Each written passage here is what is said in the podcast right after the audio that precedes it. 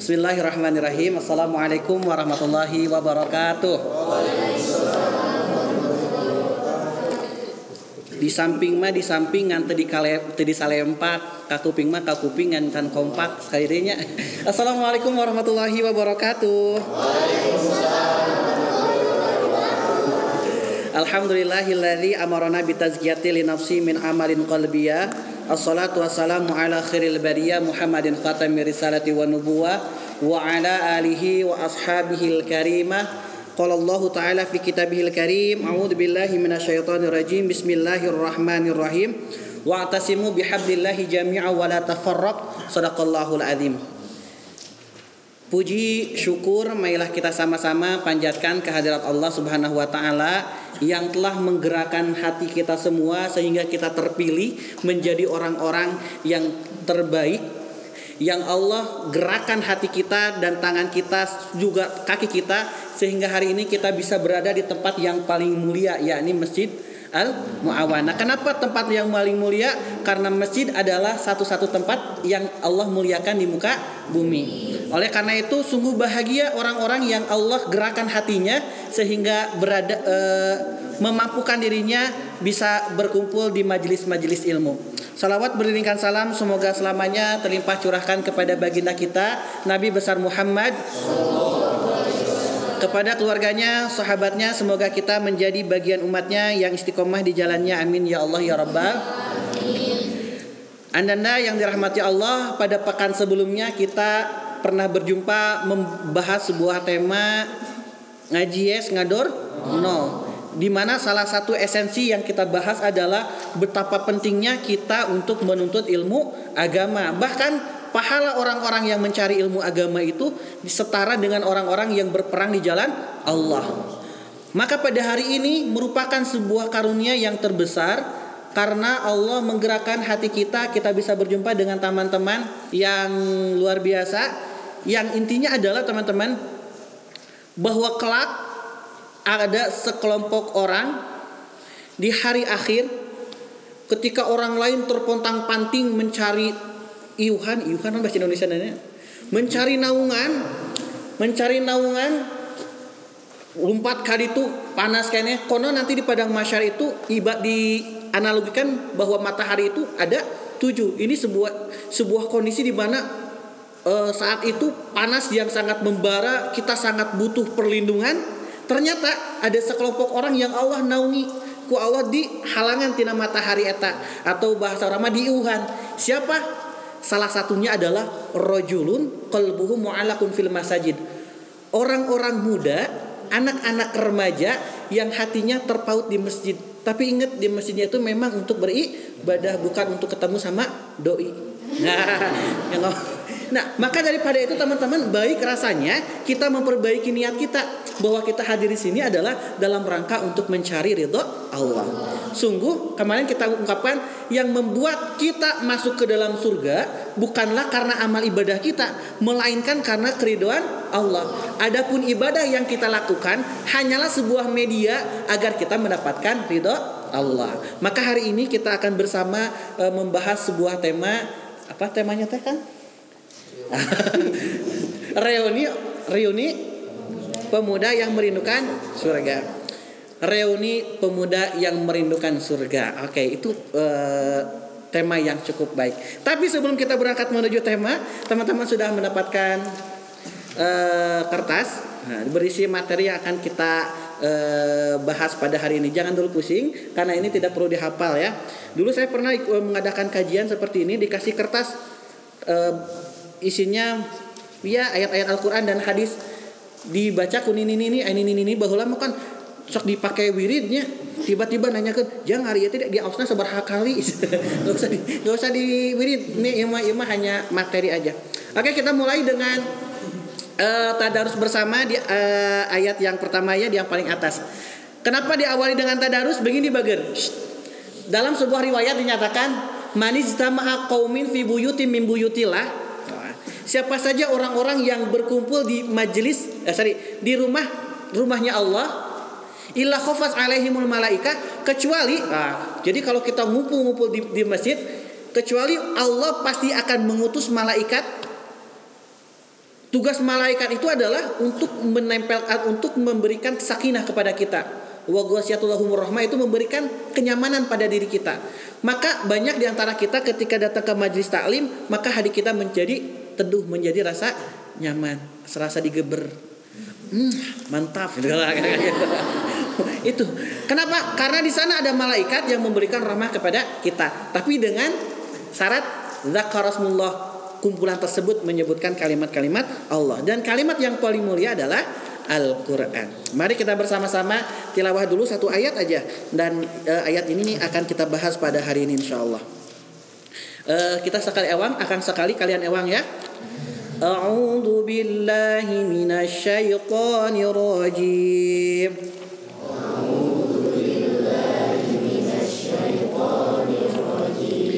بسم الله الرحمن الرحيم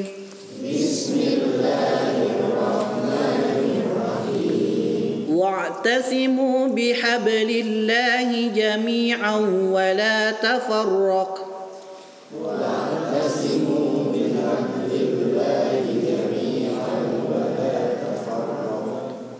واذكروا نعمة الله عليكم إذ كنتم أعداء فألف بين قلوبكم واذكروا نعمة الله عليكم إذ كنتم أعداء فألف بين قلوبكم. فألف بين قلوبكم فأصبحتم بنعمته إخوانا. فألف بين قلوبكم فأصبحتم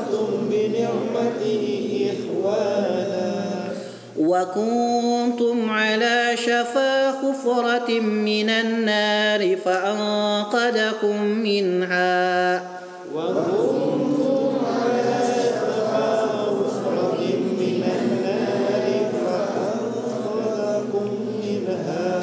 كذلك يبين الله لكم آياته لعلكم تهتدون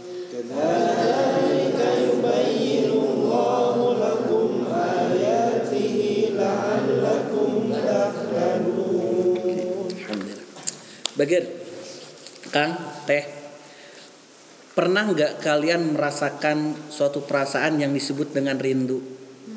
Pernah? Pernah? Rindu bukan sama doi doang ya, rindu sama orang tua ketika jauh, rindu dengan nonton Persib yang saat ini belum dilaksanakan, kan kita akan pernah merasakan kerinduan. Pertanyaannya, lebih pengen dirindu atau dirindukan? Mending merindukan atau dirindukan, Kang? Naon nah rindu teh cek udah. rindu teh ujang gak suuk. mending rindu atau mending dirindukan? Atau pilihan ketiga, atau mending dirindukan oleh sesuatu yang sangat merindukan kita. Tahan Oke, ulangi lagi. Pertama, mending merindukan, mending dirindukan, atau mending dirindukan oleh sesuatu yang sangat merindukan kita. Pasti kita paling suka di golongan yang ketiga. Kita merindukan, ternyata yang dirindui merindui kita. Uh, mantap. Aslina, wanita diriungkan. Nah, wah ini asli nak. Kenapa? Karena selain kita bahagia, akan teramat kebahagiaan itu mendalam ketika yang kita rindukan pun merindukan kita. Tapi tenang, bro, yang dimaksud oleh saya bukan doi. Kita merindukan surga. Ada yang pengen masuk surga? Angkat tangannya singkompak atau ada yang pengen masuk angin? Eh, oh, masuk angin nggak yang masuk surga Bagaimana? Ternyata al jannatu mustaqatun li arba'atin. Tong beja-beja kabatur. Ternyata surga itu sangat merindukan empat golongan. Nah, ini nih. Kita kalau kita memang ingin dirindukan oleh sesuatu yang kita rindukan, kita coba simak riwayat tersebut, hadis tersebut. Al jannatu mustaqat uh, al jannatu mustaqatun ila arba'in nafarin. Oh, ini redaksinya bisa li arba'in bisa li arba'i uh, nafarin. Artinya ternyata surga itu sangat merindukan empat golongan. Pengen dirinduin oleh surga? Kita baca Yang pertama adalah surga sangat merindukan talil Quran. Siapakah talil Quran itu? Mereka yang gemar dalam membaca Al-Quran. Ternyata Al-Quran, eh, sorry, surga itu sangat merindukan orang-orang yang gemar dalam membaca Al-Quran. Orang-orang yang setiap harinya selalu memprioritaskan Al-Quran. Orang-orang yang waktu-waktunya diisi untuk membaca Al-Quran. Orang-orang yang senang berinteraksi dengan Al-Quran. Kenapa? Karena Al-Quran adalah kalam Allah. Perkataan Allah. Surat cinta dari yang maha cinta. Maka surga itu akan merindukan orang-orang yang selalu membaca, mentadaburi, dan terus berinteraksi dengan Al-Quran. Namun sayangnya dalam sebuah riset yang dilakukan oleh Ustadz Fatih Karim ternyata penduduk Indonesia 80% buta huruf Al-Qur'an. Buta huruf Al-Qur'an. Ternyata kemampuan membaca Al-Qur'an eh, anak-anak usia SMA Bapak pernah mengecek beberapa kali orang anak-anak SMA di salah satu SMA di Lembang. Ternyata ketika dicek bacaan Al-Qur'annya terlalu. Mereka ngebacanya ngerep. Iya kan bu, bu dua i, iya itu bacanya teh. Usia SM, ternyata selidik demi selidik yang menyebabkan itu semua adalah karena lingkungannya yang tidak uh, nyaman untuk dia untuk belajar. Kebanyakan di antara kita adalah ketika SD masuk TPA, ketika lulus SD udahan TPA-nya padahal kemampuan membaca Al-Qur'annya masih di bawah rata rata masih di bawah standar. Kondisi di bawah standar itu tidak nyaman bro. Nggak nggak percaya? Nanti kalau bawa motor simpan kaki kita di bawah standar baru kan tidak nyaman artinya kemampuan membaca Al-Quran kita kalau di bawah standar pun tidak nyaman kenapa kita harus menaikkan skill membaca Al-Quran skill ya karena Al-Quran itu lihat fa innahu ya'ti yaumal qiyamati safian. Iqra'ul Quran, bacalah Al-Quran. Fa innahu sesungguhnya membaca Al-Quran itu kelak Al-Quran akan datang kepada kita yaumal qiyamati syafi'an, memberikan syafaat. Ketika suatu saat uh, si Fulan, si A, dia sedang terombang-ambing dalam panasnya api neraka. Ternyata tiba-tiba Al-Quran datang memberikan syafaat. Oh, oh si akang eta mah kemarin baca Al-Qur'an. Ayo ka dia bro. Wah, kita akan dibawa oleh Al-Qur'an. Mun pakai bahasa kita kayak gitu. Bro, bro, ayo sini naik ke aku. Oh, ma Al-Qur'an aja. Ayo, akan aku beri syafaat. Dan ternyata Al-Qur'an akan datang memberikan syafaat. Al-Quran nurullah dan Al-Quran itu adalah cahaya Allah. Bagar ketika kita nanti repku padung repku lemah kita nggak bisa ngapa-ngapain lagi di alam kubur Al-Quran lah yang akan memberikan cahaya kepada kita. Semakin sering kita membaca Al-Quran, maka semakin terang kuburan kita seperti osram. Lampu osram kan terangnya. Ketika kita membaca Al-Quran seminggu sekali, sehingga lampu pilih anu 5 watt. Ada redup pilihannya. Ada abi mah maca Quran, maca Quran lagi seminggu sekali nah. Eta ge kurs ayat-ayat sehingga lampu sen tuk milih pada osram pada lampu saya tuk tak tuk tak. Nah artinya bakar poin yang harus kita garis bawahi adalah selagi kita masih muda teruslah belajar uh, membaca Al-Quran dan Al-Quran itu bukan hanya sekedar untuk dipajang datang ke imah uh, ke rumah dengan diharap ayat-ayat kursi nah ayat-ayat kursi ngarah cieun jin nah Kajian maca Al-Quran dijadikan panglai, pangusir juri gitu. Jangan kayak Al-Quran itu untuk diamalkan, bukan untuk panglai. Apa kan aki-aki bahwa lamanya ngara eueuh juri pakai panglai gitu. Al-Quran lah jadikan panglai dibaca. Nah kang abg sok maca Quran malihan mah mun anu kasurupan teh maca ayat kursi teh bukan kata tamat-tamat. Nah, kita menjadikan Al-Quran saat ini hanya sekedar panglai. hanya sekedar pengusir hantu. Salah enggak? Enggak. Artinya Anda ada kebaikan, tidak menjadikan jengjewokan mantra-mantra untuk mengusir hantu, tapi menjadikan Al-Quran sebagai sarana untuk mengusir hantu. Tapi itu tak, uh, cukup uh, baik juga daripada menggunakan sihir untuk menghilangkan hantu.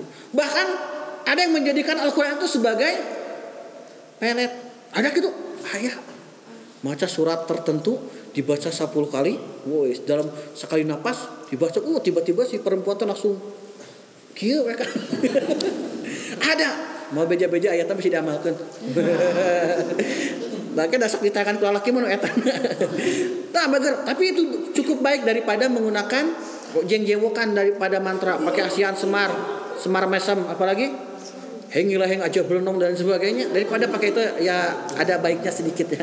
Tapi yang lebih penting adalah kita harus menjadikan Al-Qur'an bukan hanya sekedar di lisan tapi menjadikan Al-Qur'an sebagai uh, perilaku kita karena uh, Rasulullah khuluquhul Quran. Sesungguhnya perilaku Rasulullah Shallallahu Alaihi Wasallam mencerminkan Al-Quran yang berjalan dan Al-Quran pangan tapi perilaku Rasulullah itu seperti Al-Quran apa yang dilarang oleh Al-Quran ditinggalkan dan apa yang disuruh oleh Al-Quran dilaksanakan jadi teman-teman, ketika kita ingin dirindukan oleh surga dan surga merindukan kita, kita ingin selalu berjumpa, maka salah satunya adalah teruslah berinteraksi dengan Al-Qur'an.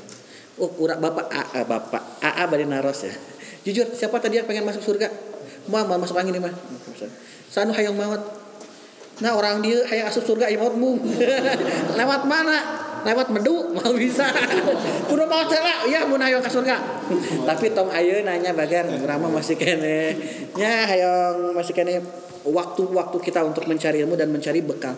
Sesungguhnya yang kita takutkan itu bukanlah kematian asli wanita tapi yang kita takutkan adalah kehidupan setelah kematian. Karena lamun gogog, aduh gogog, gogog mati sakur bilatungan. Tapi lamun manusia paeh sajabat di bilatungan ayat balitungan. Ternyata yang kita takutkan adalah kehidupan pasca kematian yang teramat eh, disebut lagi alam panj alam padang poe panjang.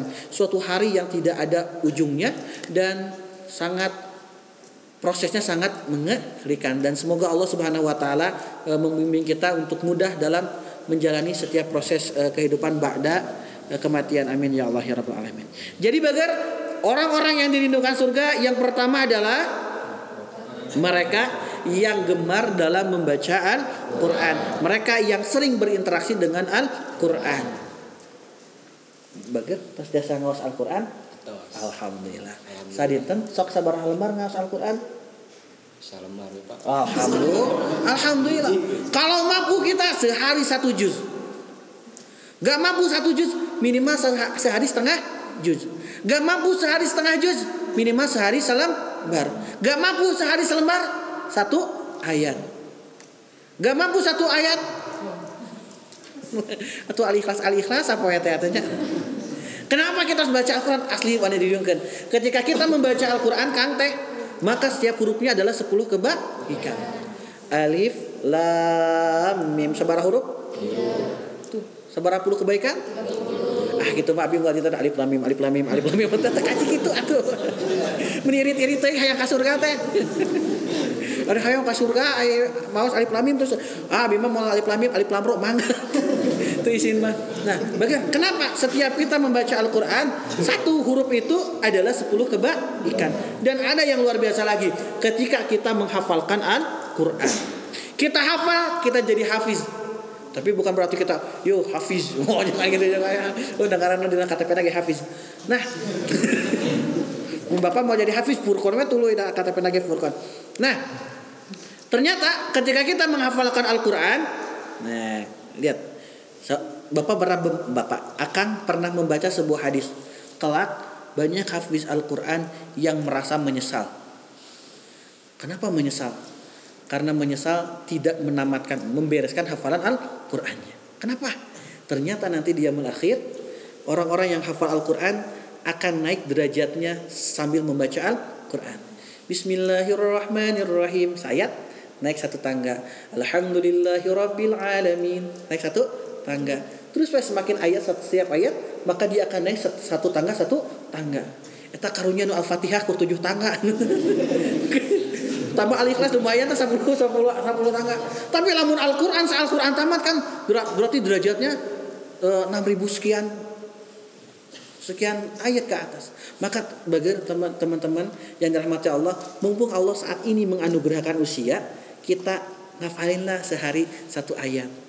Kenapa? Mau rugi kan ngafalkan Al-Quran? Mah asli wanita Kita baca misalkan ngafalin surat uh, al insyiqaq idas sama syaqqat. Idas kan kita nggak akan mungkin satu kali nggak hafal ya.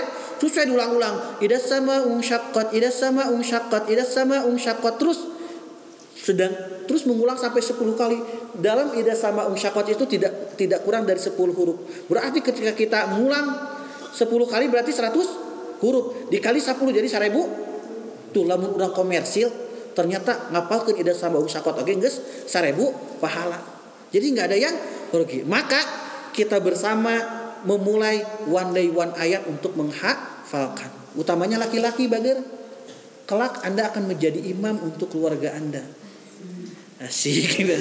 Mantap. Jangan sampai ketika kita jadi imam Allahu Akbar gus Al-Fatihah teh kulhu deui kulhu kan malu atau sama ibu mertua. Ah, siap. Mantap. Jadi dari saat ini setidaknya minimal teh kulhu tong kulhu kulhu deh Trioko kan kita mah favoritnya ya. Kulhu Allah kulhu a'udzu falak kulhu a'udzu binas. Janganlah kita seperti itu. Artinya harus menjadikan kita lebih greget gitu berinteraksi terus dengan Al-Qur'an. Baik itu membacanya ataupun menghafalkannya. Yang kedua teman-teman, al jannatu mustaqatun ila arba'ati nafarin. Talil Quran. Yang kedua adalah wahafizil lisan. Mereka orang-orang yang pandai menjaga lisannya. Menjaga lisannya. Menjaga dari apa Kang Furqan? Yang pertama adalah menjaga dari perkataan-perkataan kotor bapak kamari nimu budak kecil. Ini punya ketemu dengan anak kecil. Usianya masih lima tahun tapi luar biasa. Lisannya sangat fasih sekali menyebutkan kata-kata. Kancing coplok. Usia berapa tahun? Lima tahun tapi lisannya sudah fasih dalam mengucapkan kalimat-kalimat kotor dan itu terbiasa. Kenapa? Karena mendengar, mendengar di lingkungannya. Bisa jadi dicontohanku inung bapana bisa dijadi dicontohanku lancek nah sehingga lisannya fasih dalam mengucapkan kalimat negatif tersebut. Apakah kalimat tersebut mudah untuk dihapus dalam memori anak? Tidak bager. Itu akan terbawa sampai besar sampai dewasa. Sesuatu yang dibiasakan akan menjadi terbiasa. Karena keterbiasaan tersebut akan menjadi refleks. Punten. Ketika orang-orang yang lisannya mudah mengucapkan kalimat-kalimat kotor. Contoh tadi kancing sama coplok. Tijaliku teh ingetna kasaha? Kancing tijaliku kancing nyeri ulu gitu. Tapi orang-orang yang lisannya mudah dalam mengucapkan zikir kepada Allah ketika ditajong innalillah astagfirullah. Kenapa? Karena kebiasaan itu akan menjadikan refleks. Yang jadi bahayanya adalah ketika di akhir hayatnya masih terlalu refleks dicabut nyawa ke malaikat Israel. Dia kancing oh naudzubillahi min coplok aduh naudzubillahi min sedangkan orang-orang yang bahagia orang-orang yang beruntung adalah man kana fi akhirihi. Ah ini nih. Siapa saja orang yang di akhir hayatnya fi akhiri la ilaha illallah mengucapkan kalimat la ilaha illallah dakhalal jannah. Wah, siapa saja orang yang di akhir hayatnya mengucapkan la ilaha illallah, maka dia sangat berpotensi besar untuk masuk ke dalam surga. Maka dan catat kalimat la ilaha illallah di akhir hayat itu tidak mudah. Harus melalui suatu perjuangan. Salah satunya adalah selalu mendawamkan kalimat la ilaha illallah dalam kehidupan sehari-harinya. Afdhal dzikri fa'alam annahu la ilaha illallah. Sebaik-baiknya zikir adalah kalimat la ilaha illallah. Maka teman-teman, kita harus jaga lisan kita dari perkataan-perkataan kotor karena perkataan yang terbiasa akan keluar refleks. Ketika kalimat negatif yang kita biasakan refleksnya akan keluar bahasa negatif. Tapi ketika mulut kita terbiasa dengan kalimat-kalimat positif, maka kita pun di akhir hayatnya akan mengeluarkan kalimat positif kalimat-kalimat yang baik. Yang kedua dijaga lisan itu adalah dari membicarakan keburukan orang lain. Anti gibah-gibah klub. Kenapa? Ketika kita membicarakan orang lain, apa yang dibicarakannya itu benar, maka dia sedang gibah. Tapi ketika kita membicarakan orang lain, yang dibicarakan itu tidak benar, kita dapat eh, dosanya dosa fitnah. Jadi udahlah jangan ngomongin orang lain. Gak ada lu, gak bukan garami, gak ada lu lo diomongin. Pasti kita ngomong dengan si A. Nah, kalau kita keseringan gibah, kita akan terus tajasus. Apa itu tajasus? Mencari keburukan-keburukan orang lain untuk dikonsumsi. Dan bahayanya adalah bahayanya adalah orang-orang yang membicarakan aib temannya atau aib saudaranya itu seperti memakan bangkai. Jadi kalau kalian misalkan kebanyakan mah perempuan ini teh dalam laki mah. kebanyakan perempuan. Jadi ketika misalkan opatan perempuan ngariung ngagibah itu teh ibarat lagi papa hare bangke. Oh, sok kamu dulu kepalanya. Maka daripada itu stoplah gibah teh lebih baik kita e, membicarakan sesuatu yang produktif yang bisa kita bicarakan. Dan ternyata potensi gibah yang paling besar itu seperti kemarin diungkapkan adalah adanya di kaum perempuan. Potensi gibah. Kenapa? Karena perempuan itu ahli linguistik, ahli bahasa. Ketika seseorang perempuan itu sehari bisa mengeluarkan lebih daripada 20 ribu kata. Sedangkan perempuan laki-laki hanya 5 ribu kata. Jadi laki-laki mah kalau misalkan laki-laki sudah kerja karena di tempat kerjanya sudah banyak ngomong, datang ke rumah itu tinggal diem. Sedangkan perempuan di rumah terus, misalkan orang ibunya ya di rumah terus, nggak ada teman untuk ngobrol ketika suaminya datang, terus ngomong sampai besoknya lagi. Karena potensi bahasa atau e, kata-kata dari seorang perempuan itu sangat banyak. Dan ternyata banyaknya penghuni neraka adalah perempuan dan laki-laki mah tidak sedih Gitu, sama-sama banyak. Nah, tapi naudzubillah semoga Allah menjaga kita. Jadi yang tadi yang pertama cara menjaga, eh, menjaga lisan itu dari dengan dari perkataan kotor. Yang kedua menjaga dari gibah-gibah klub. Dan yang ketiga adalah menjaga lisannya agar terus mengingat Allah, agar terus berzikir kepada Allah. Kang ai zikir kumaha ah, minimal kalimat subhanallah walhamdulillah wala ilaha illallah Allahu akbar. Kapan saja? Ya kapan saja, di mana saja? Ia laras. Bahkan ketika kita sedang bekerja, lagi nyese, la ilaha illallah. Daripada kutanya malam, oh jangan. Itu bisa tapi kalau di kamar mandi zikirnya jangan zahar, cukup di dalam hati.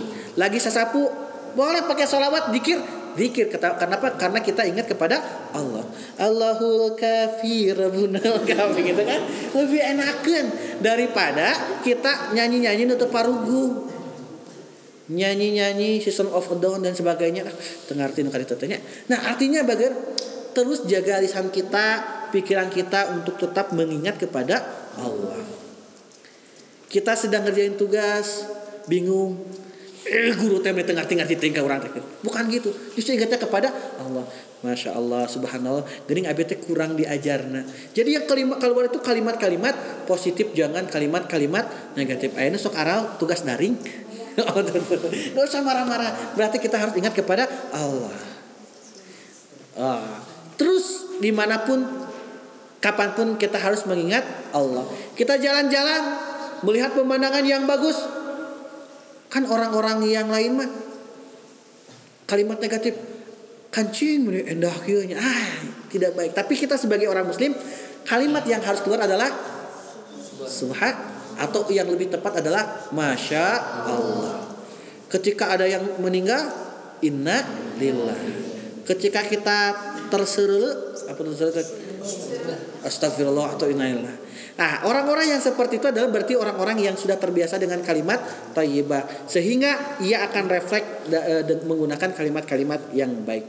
Maka teman-teman dawamkan eh, apa namanya? Eh, istighfar kalimat-kalimat thayyibah itu minimal ba'da salat. Rasulullah Shallallahu alaihi wasallam pun beliau dijamin surga. Beliau pasti masuk surga tapi ternyata istighfarnya sehari minimal 100 kali. Kita surga entah di mana ya. Salat ya kadang ainu tinggalan ngomongin batur hobi tapi ternyata istighfarnya sangat minim. Nah, maka daripada itu kita bersama-sama terus uh, di mana pun kapan pun ketika uh, terlalu ingat kepada Allah dengan memanjatkan istighfar insya Allah. Istighfiru rabbakum innahu kana Beristighfarlah kepada Tuhanmu. Sesungguhnya Allah eh, akan mengampuni kalian semua. Oke. Jadi yang ketiga selanjutnya adalah wa mut'imil ji'an. Nah, orang yang dirindukan surga adalah mereka yang gemar memberikan makan kepada orang-orang yang lapar. Orang-orang yang lapar. Sekarang eh, lagi di musim pandemi, teman kita mungkin orang tuanya ada yang sedang tidak baik perekonomiannya. Ya, kalau beli makan kita jangan beli gorengan jangan satu eh, harus bandai untuk berbagi karena itu adalah orang eh, perilaku orang-orang yang sangat dirindukan oleh surga. Termasuk bagar saat ini kita Indonesia sekarang tanggal berapa? 22 kalau itunya. 22 ternyata kemarin pas baru 18 hari di bulan Januari sudah terjadi 148 bencana. Dan salah satu untuk mentolak bala dari bencana itu bukan ruatan bumi, tapi yang bisa kita lakukan adalah dengan sodakoh. Ah, eh, karena sedekah itu akan mentut faul bala, akan mencegah kita dari bala. Salah satu sodako yang bisa kita lakukan adalah dari hal yang terkecil dengan berbagi makanan tong pedit karena tuangan pami meser nya kedah emut kata tangga emut ka sesama supaya biasa berbagi karena tadi kata hadis tersebut orang yang dirindukan surga adalah mereka yang gemar untuk memberikan makanan. Nah minimal kita belajar dari hal-hal yang terkecil. Selanjutnya yang keempat yang dirindukan oleh surga adalah wasaimina fi syahri Ramadan. Orang-orang yang gemar, yang suka, yang mengamalkan saum di bulan suci Ramadan. Kita tinggal masuk oh, tinggal beberapa bulan lagi akan memasuki bulan suci Ramadan. Kita persiapkan kedatangan Ramadan itu dimulai dari sekarang. Kita buat suatu program yang baik agar Ramadan ini tidak datang dan pergi begitu saja tapi ternyata semoga Ramadan kita ini menambah produktivitas ibadah kita. Cung yang Ramadannya ketika datang bulan Ramadan teh eh, tidur semakin tibra. Wis sok tasawur, loba bodei gugah-gugah jam 10. Langsung eh, ngabuburit heula dugikeun ka lohor, lohor bobo deui pun ka asar. Ternyata Ramadan Pak kan bulan puasa mah tidur oge ibadah. Wah, ternyata tidur juga bisa bisa menjadi makruh ketika membuat kita tidak produktif. Sayang kalau misalkan aduh ada yang manggil sayang. Sayang kalau Ramadan kita hanya ditinggalkan hanya menjadi tempat tidur kita. Tapi ternyata Ramadan seharusnya membuat kita lebih produktif. Ada yang tahu perang Badar? Perang Badar dulu saat itu kaum muslim itu sekitar 317 sedangkan kaum kafir 1000 orang. Perang tersebut dilaksanakan pada bulan suci Ramadan. Meskipun orang muslim saat itu sedang berpuasa, ternyata puasa itu menjadi kekuatan sehingga kaum-kaum kafir saat itu tunggang langgang lari dari medan perang. Padahal orang Islam sedang berpuasa. Apakah para orang-orang muslim saat itu protes? Ya Rasulullah, abi mah keur puasa. Untuk ternyata mereka justru lebih garang. Abi mah dah keur puasa. Orang kan gitu nya. Riaknya orang berpuasa adalah pura-pura lapar. Ya Allah, mending lapar. Saum Senin Kamis, tanya nih lapar-lapar teuing. Emang kenapa? Aku kan saum. jangan gitu lah. Itu itu ria orang-orang berpuasa gitu kan. Eh jangan. Nah, Ya maka Ramadan sesaat lagi akan hadir kita harus persiapkan agar menjadi Ramadan yang terbaik. Teristimewa. Oke, selanjutnya. Eh, Oke, kita ulangi dulu. Surga itu merindukan empat golongan. Yang pertama, yang kedua, yang ketiga, eh, yang keempat, yang ke satu yang keempat. Oke jadi kita garis bawahi. Karena asa jauh di tema akan karena kayak reunian air reuni itu adalah berjumpa setelah kita berpisah lama berjumpa lagi kelak kita akan berpisah di dunia dan nanti kita akan kembali bereunian di surganya Allah Subhanahu wa taala. Dengan catatan tercukup ku amin, kita harus mengamalkan empat aspek yang tadi, minimal mengamalkan aspek yang tadi empat aspek yang tadi. Oke, dan satu hal lagi bagar kita naik ke atas ada hadis yang selanjutnya an Abi Hurairah an Nabi sallallahu alaihi wasallam dari Abu Hurairah an Nabi sallallahu alaihi wasallam qala sab'atu yud'a. Jadi ada tujuh golongan yang akan mendapatkan naungan Allah tadi di, di, di depan sudah dibahas sedikit ya. Ternyata golongan yang pertama adalah kalau kita pengen mendapatkan naungan tersebut kriteria yang pertama adalah al imamun adilun. Kita harus menjadi seorang pemimpin yang adil. Terutama lelaki ar-rijalu qawwamuna 'ala nisa karena pemimpin itu kelak akan menjadi pemimpin eh sorry karena laki-laki itu kelak akan menjadi pemimpin bagi bagi perempuan. Maka kita pun harus mulai mempersiapkan menjadi seorang pemimpin sedari sekarang. Dan perempuan adalah sebagai madrasatul ula, sebagai sekolah pertama bagi seorang anak. Nah, nggak bahas anak lagi Pak Furqan, kan kata kemarin Furqan sampaikan bahwa untuk mempersiapkan anak yang soleh itu dilakukan 10 tahun sebelum kelahiran. Dimulai dari sekarang, sedari Anda menjadi seorang anak-anak harus mempersiapkan menjadi orang-orang yang soleh. Karena perempuan itu kelak banyak interaksinya dengan laki dengan anaknya sehingga bahasanya, tutur katanya, kebiasaannya akan ditiru oleh anaknya. Sehingga ada istilah bahasa ibu, tidak ada bahasa bapak. Saking anak-anak itu dekat kepada ibunya dan bahasa anak itu diwarisi dari ibunya. Kalau ibunya kalimat-kalimatnya baik, anak pun akan baik. Tapi kalau bahasa ibunya kurang baik, sering nyentak ke anak pun akan menjadi orang yang temperamen. Kenapa? Karena waktu uh, waktu anak itu lebih banyak di keluarga. Sok Anda bisa bisa lihat diri Anda, oh saya tuh ngiru jika nanti bahasa ngiluan si mamah dan sebagainya itu sangat mempengaruhi. Jadi nanti semoga Anda bisa menjadi seorang ibu yang baik dimulai dari sekarang dengan menjadikan tutur kata Anda latih dari sekarang jadi uh, tutur katanya yang baik. Bager pramugari, you know pramugari itu dibiasakan bapak eh, bapak akan aduh nggak akan ya.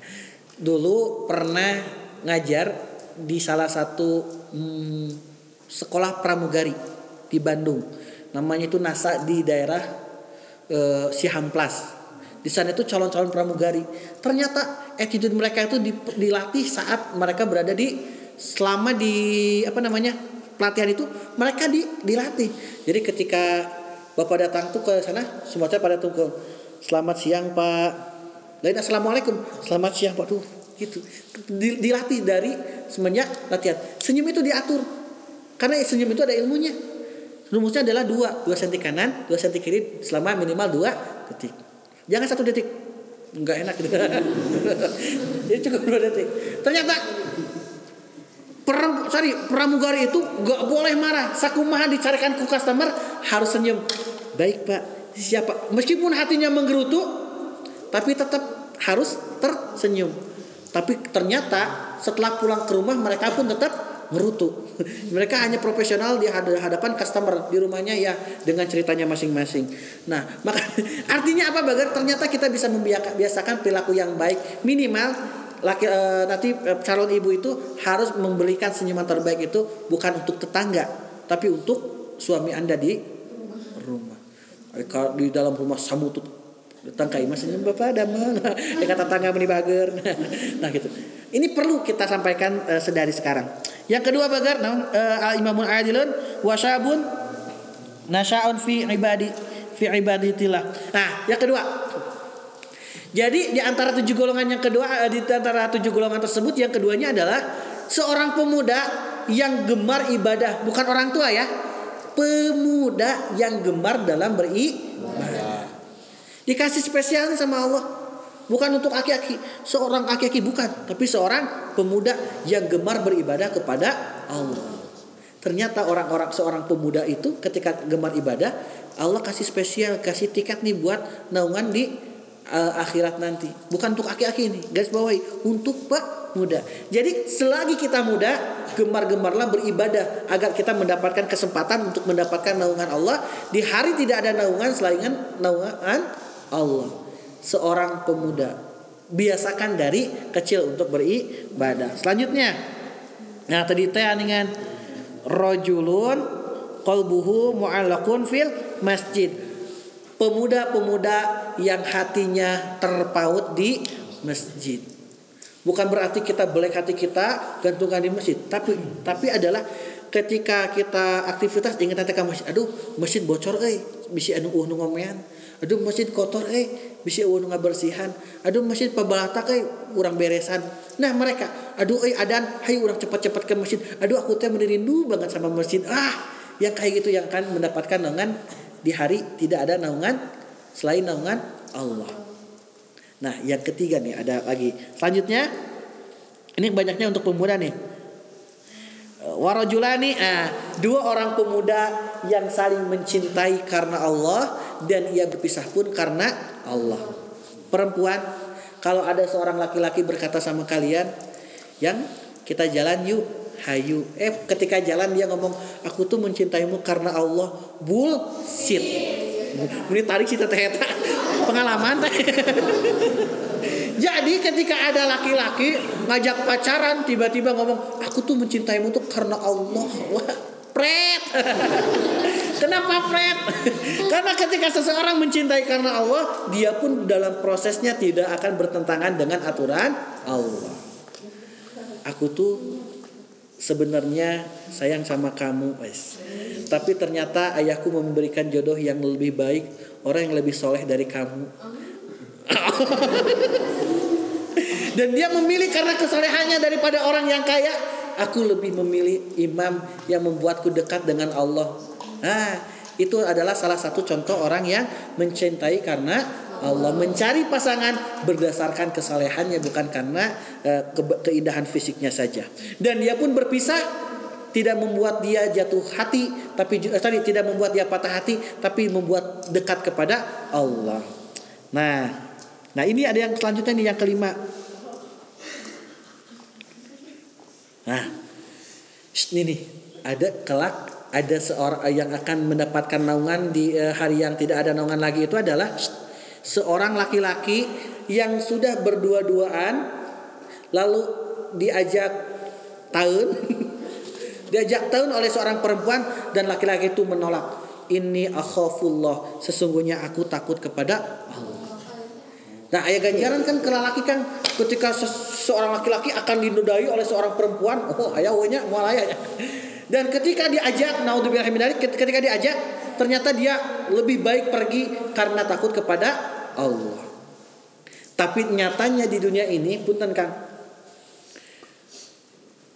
Saya pernah melakukan sebuah penelitian sederhana di sebuah kelas di salah satu SMP. Aduh, saya lah ini informasi ini valid Ternyata iya ini bukan untuk dicontoh ya. Ternyata kebanyakan siswa laki-laki dan beberapa anak perempuan kecanduan film yang tidak baik. Bahkan dengan kesendiriannya yang jadi bahaya kan adalah yang asalnya ia lihat takutnya diperagakan. Maka jangan sampai kita terjerumus dalam hal tersebut. Kenapa? Karena itu termasuk psikotropika eh psikolema. Psikotropika lewat mata yang membuat seseorang kecanduan. Yang jadi bahayanya adalah nih, yang jadi bahayanya.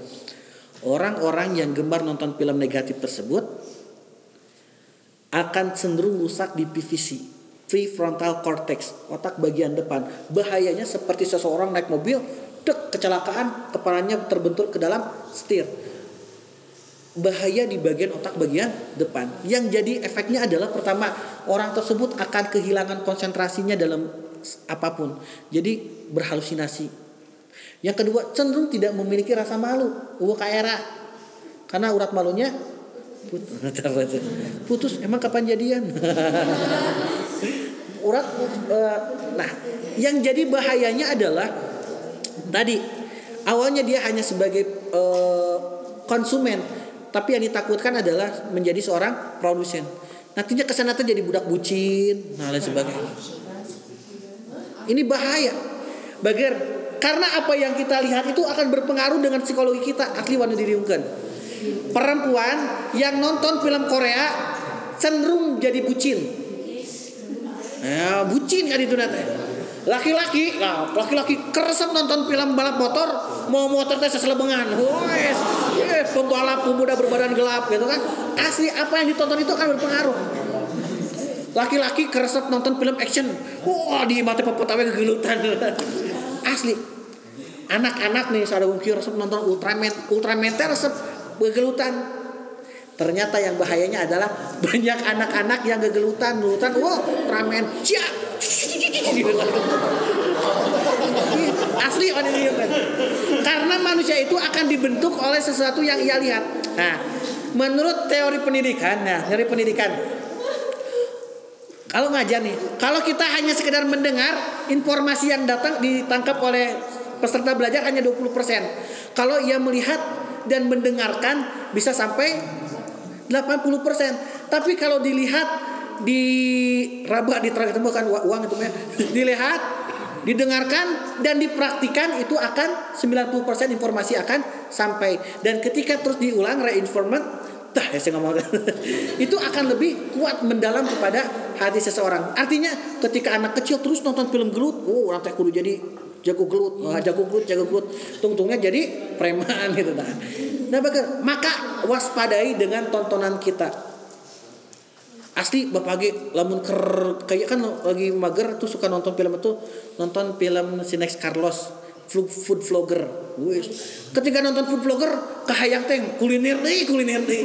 Asli eh, cita-cita langsing hobi ngemil. Asli terus selanjutnya nonton film yang resep work apa? Workout. Wow kata teh workout wae mungkin ke ager-ageng. Artinya yang harus digaris bawahi adalah ternyata apa yang kita lihat itu sangat berpengaruh kepada kita.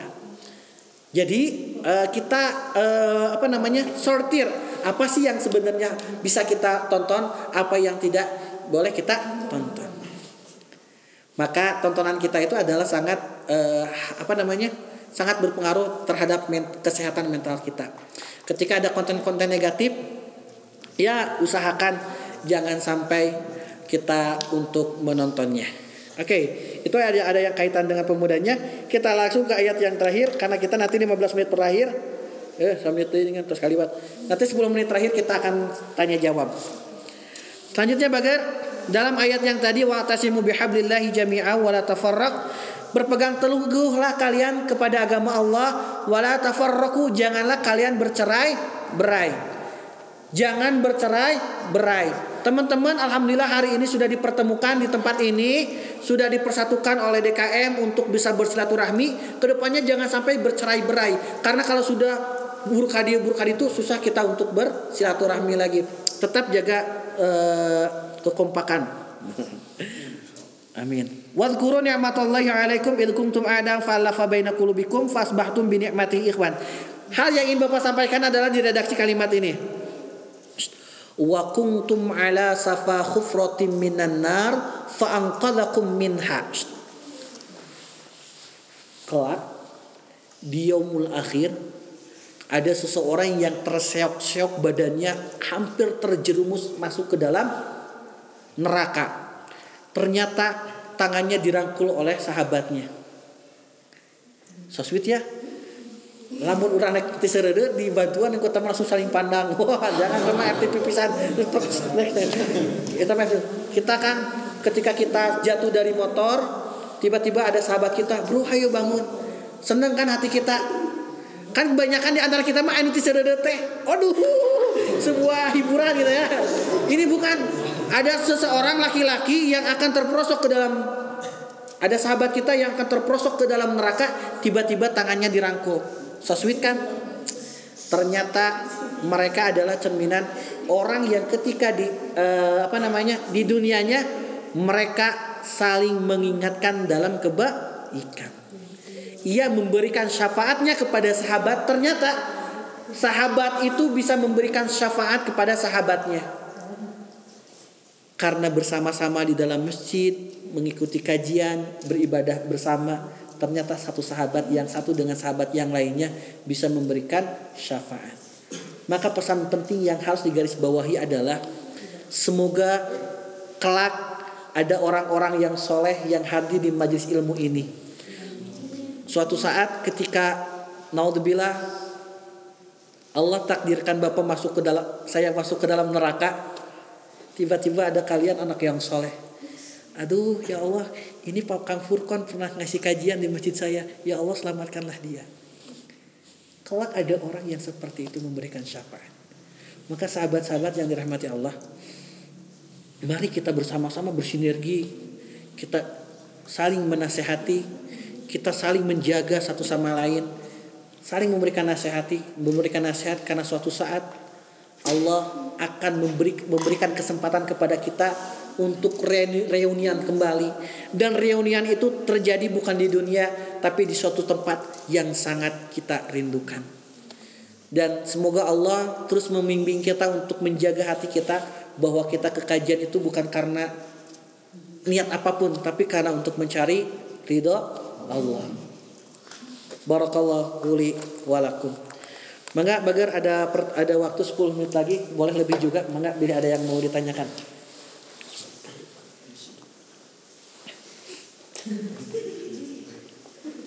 Alhamdulillah, mungkin hanya sekian kajian dari Bapak Ustaz. Furkon, apakah ada yang mau ditanyakan? Mama dan AA surat. Mangga bagar pilih ada mari taroskeun.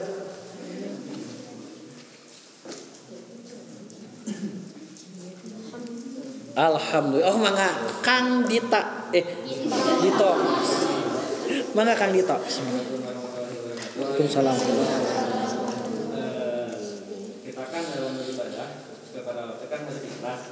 Nah, tapi dalam satu kondisi yang gimana nih kalau kita ibadah itu ibadah kepada Allah, tapi ada niatan tertentu, apakah itu nanti itu ikhlas? Niatan tertentu ya. Saya. kayak paksaan gitu pak. Apa yang kewajiban gitu? Oke. Kang, saya teh ibadah mah ibadah ngan ieu teh. Pedah we dicarikan ku si mah mun salat teh gitu nya. Saya teh ka masjid teh ka masjid dalam untuk ka masjid era gitu kan. Bagaimana Kang? Nah, poin pertama yang harus kita lakukan adalah saat kita akan memulai ibadah tersebut perbaiki niat. awalnya kita ke masjid era ku babaturan, awalnya ke masjid eh, kita sholat dicarikan ku si mak maka orang seorang ulama zaman dahulu, nah ini ini pelajaran dari ulama zaman dahulu, ulama Syafi'iyah. Ketika seseorang akan melaksanakan sholat, suka diperbaharui niatnya. Maksudnya kan usolli faradul maghribi. Itu teh dalam rangka apa? Emang dicontohan ku Rasul? Henteu tadi contohan wani. Tapi ini adalah salah satu bentuk ikhtiar ulama agar ketika kita akan melaksanakan sholat bisa memperbaharui niat. Atau kan gitu mah kita harus pakai usoli mangga untuk kita nanawan deh itu mah bukan termasuk rukun. Yang penting mah ada hati ikhlas. Artinya kan yang harus digaris bawahi ketika suatu ketika kita ibadah ada unsur keterpaksaan, unsur duniawi, maka saat akan memulai kita bisa memperbaharui niat. Apakah itu akan menjadi amal soleh untuk kita kan? Ketika kita bisa memanage perasaan itu saat akan memulai karena innamal a'malu binniyah. Perbuatan itu tergantung niat dan ada kalanya hati kita itu bisa melenceng maka akan lebih baik ketika kita akan memulainya untuk memperbaharui niat. Tapi kita kan masih muda, masih anak-anak kecil. Saat ini kita adalah prosesnya adalah sedang belajar. Maka hal itu baik-baik saja untuk kita. Meskipun ya kita tidak di, tidak dalam range yang ideal, tapi setidaknya insya Allah ada ikhlasnya dan Allah akan menilai kita itu sejauh mana kita ikhlasnya. Contoh sholat kita kan ayah ikhlasnya, ayah hentena, ayah fokusnya, ayah hentena. Nah, sholat kita itu yang yang akan dinilai adalah selama kita khusunya ketika khususnya dapat pahalanya, ketika tidak khususnya ya argo pahalanya tidak akan berjalan.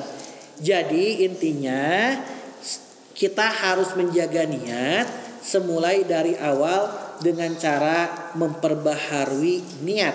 Ketika kita sudah uh, ada perasaan terpaksa, maka mulailah untuk memulai uh, ibadah tersebut dengan kalimatul bas malah. Semoga kalimat tersebut akan menjadikan nilai ibadah untuk kita.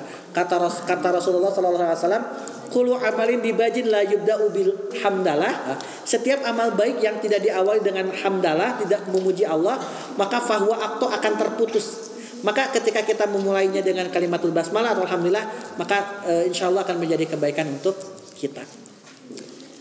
Ada lagi kan teh di tampilannya?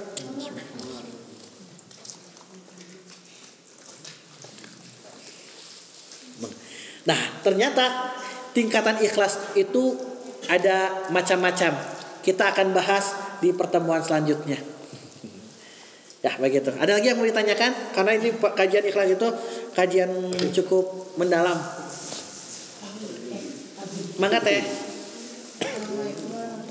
Assalamualaikum. Mangga teh. Kuma kuma teh. Sesuatu kada berdoa.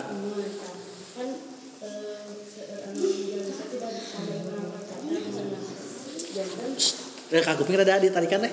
Ada di agengan suantana nya sana salirana. Terus ada juga. Mohon.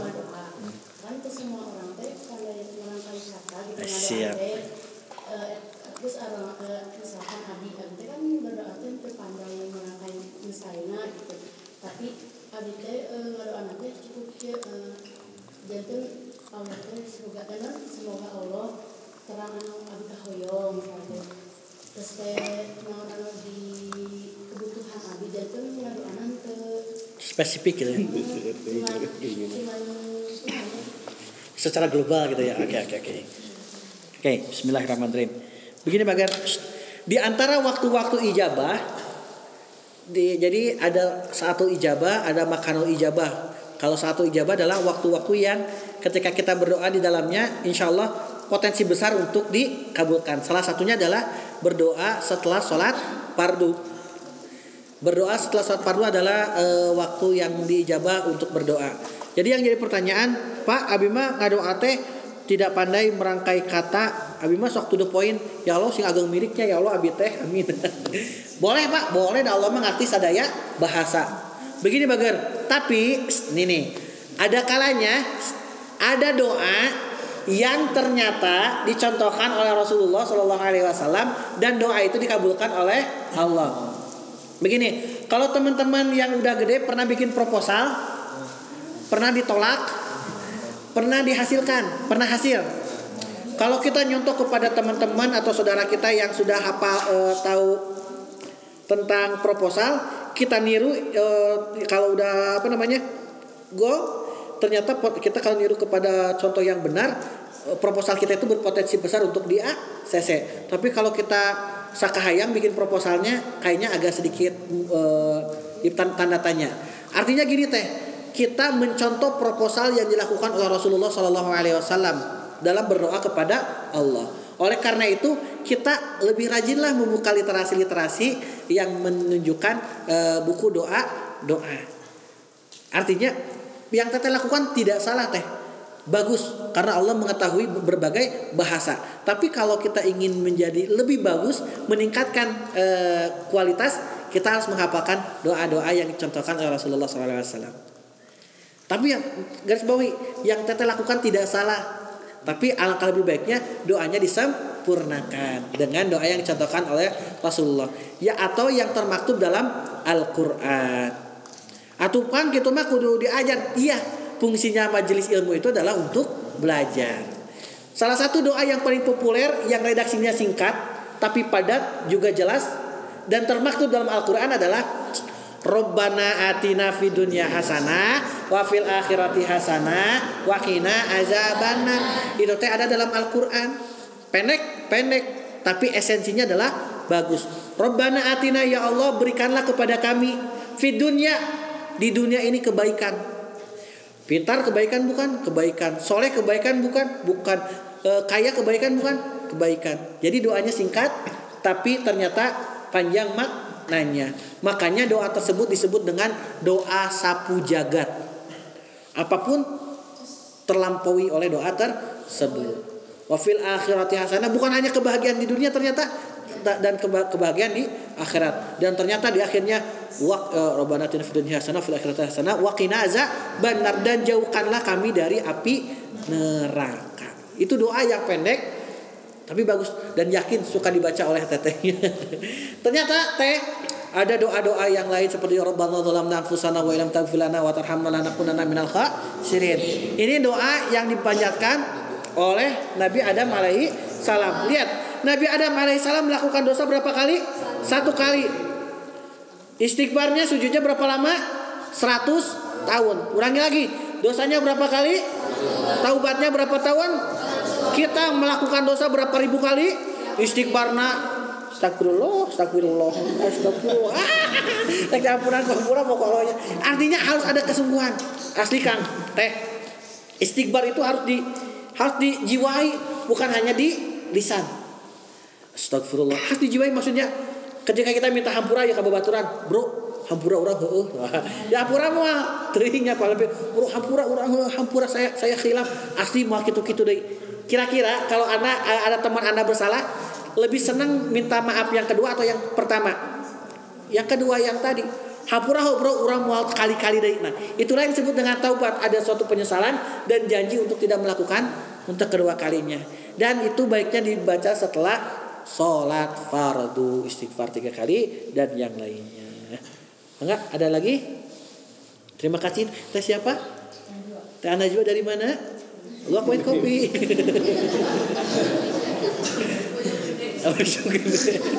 Oke ada lagi yang ingin ditanyakan? Mangga Kang Dit.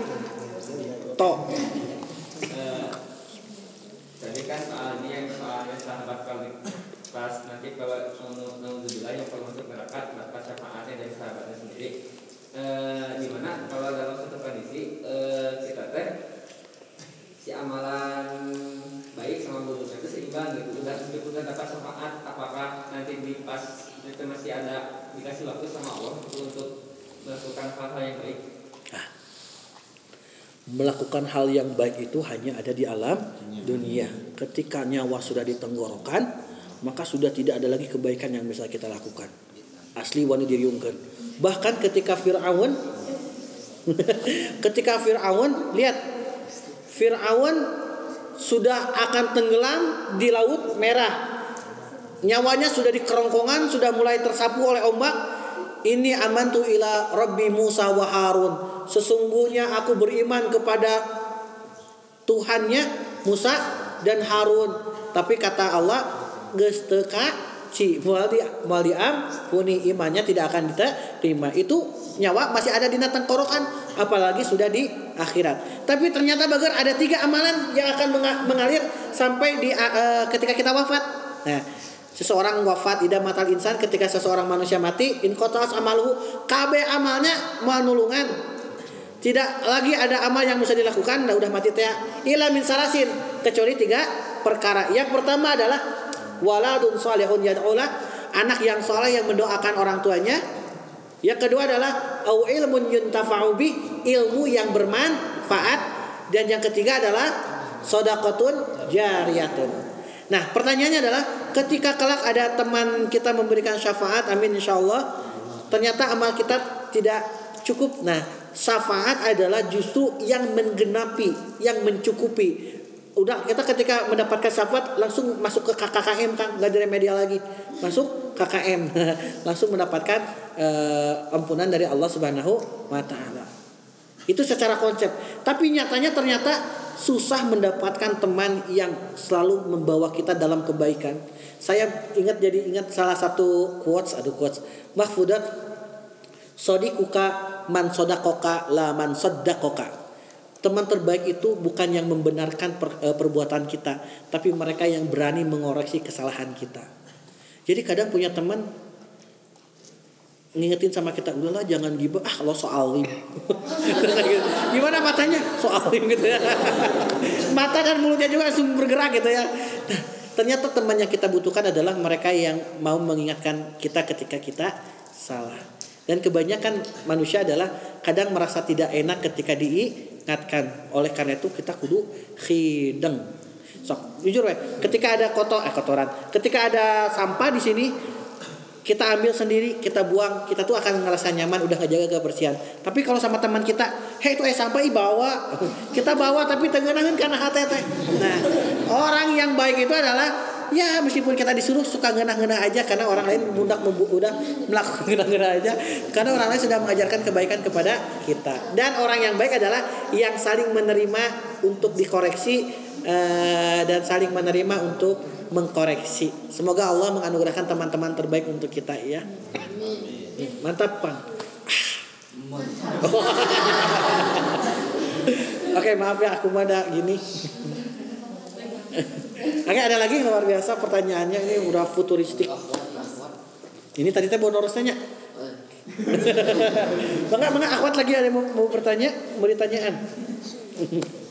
Gak ada? Oke, kita saksikan setelah pariwara berikut ini. Gak ada katanya Kang. Eh, Selanjutnya cara yang Eh, eh, terakhir apa? Ada apa lagi?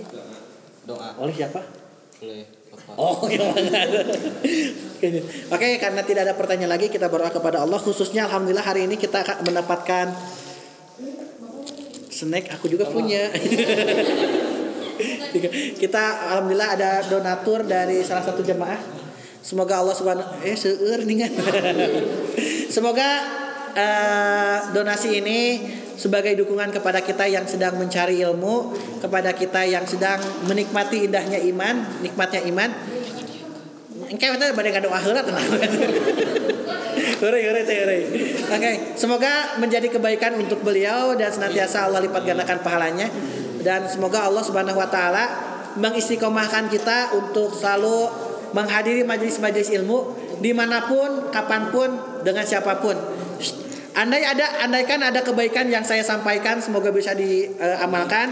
Namun ketika ada keburukan dan kesalahan, eh, tolong untuk disimpan saja. Ketika ada guru anda yang menyampaikan informasi lebih valid, silahkan amalkan ilmu tersebut. Kita akhiri eh, majlis ini dengan berdoa kepada Allah Subhanahu Wa Taala.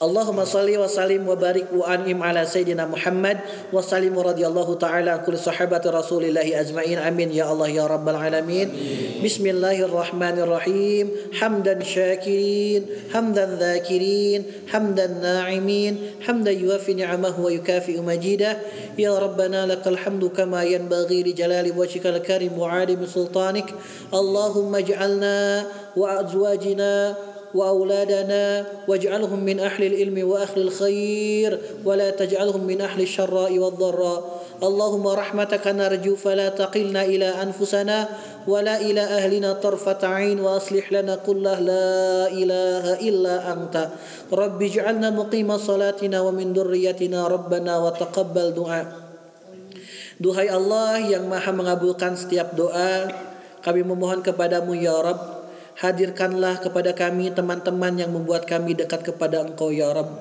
Yang membuat kami nyaman di rumahmu ya Rabb Hadirkanlah teman-teman yang membuat kami saling menasehati ya Rabb Agar kami selalu di jalanmu. Ya Rabb jauhkanlah kepada kami teman-teman rekan-rekan yang membuat kami jauh dari Engkau.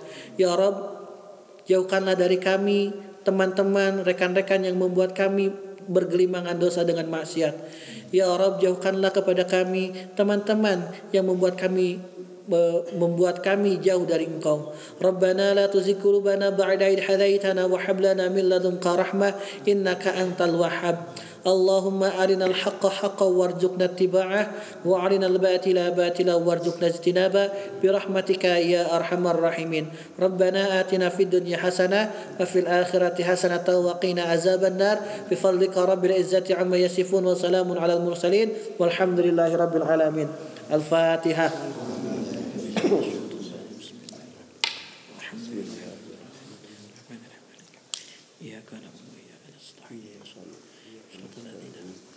Amin dan kita akhiri dengan istighfar tiga kali dan doa akhir majelis.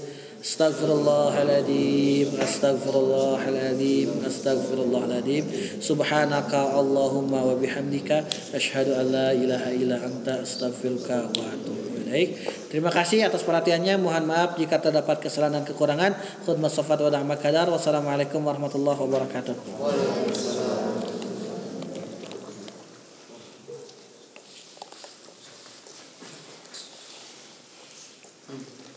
Cara yang terakhir adalah penutup sebelum kami tutup acara pada malam hari ini.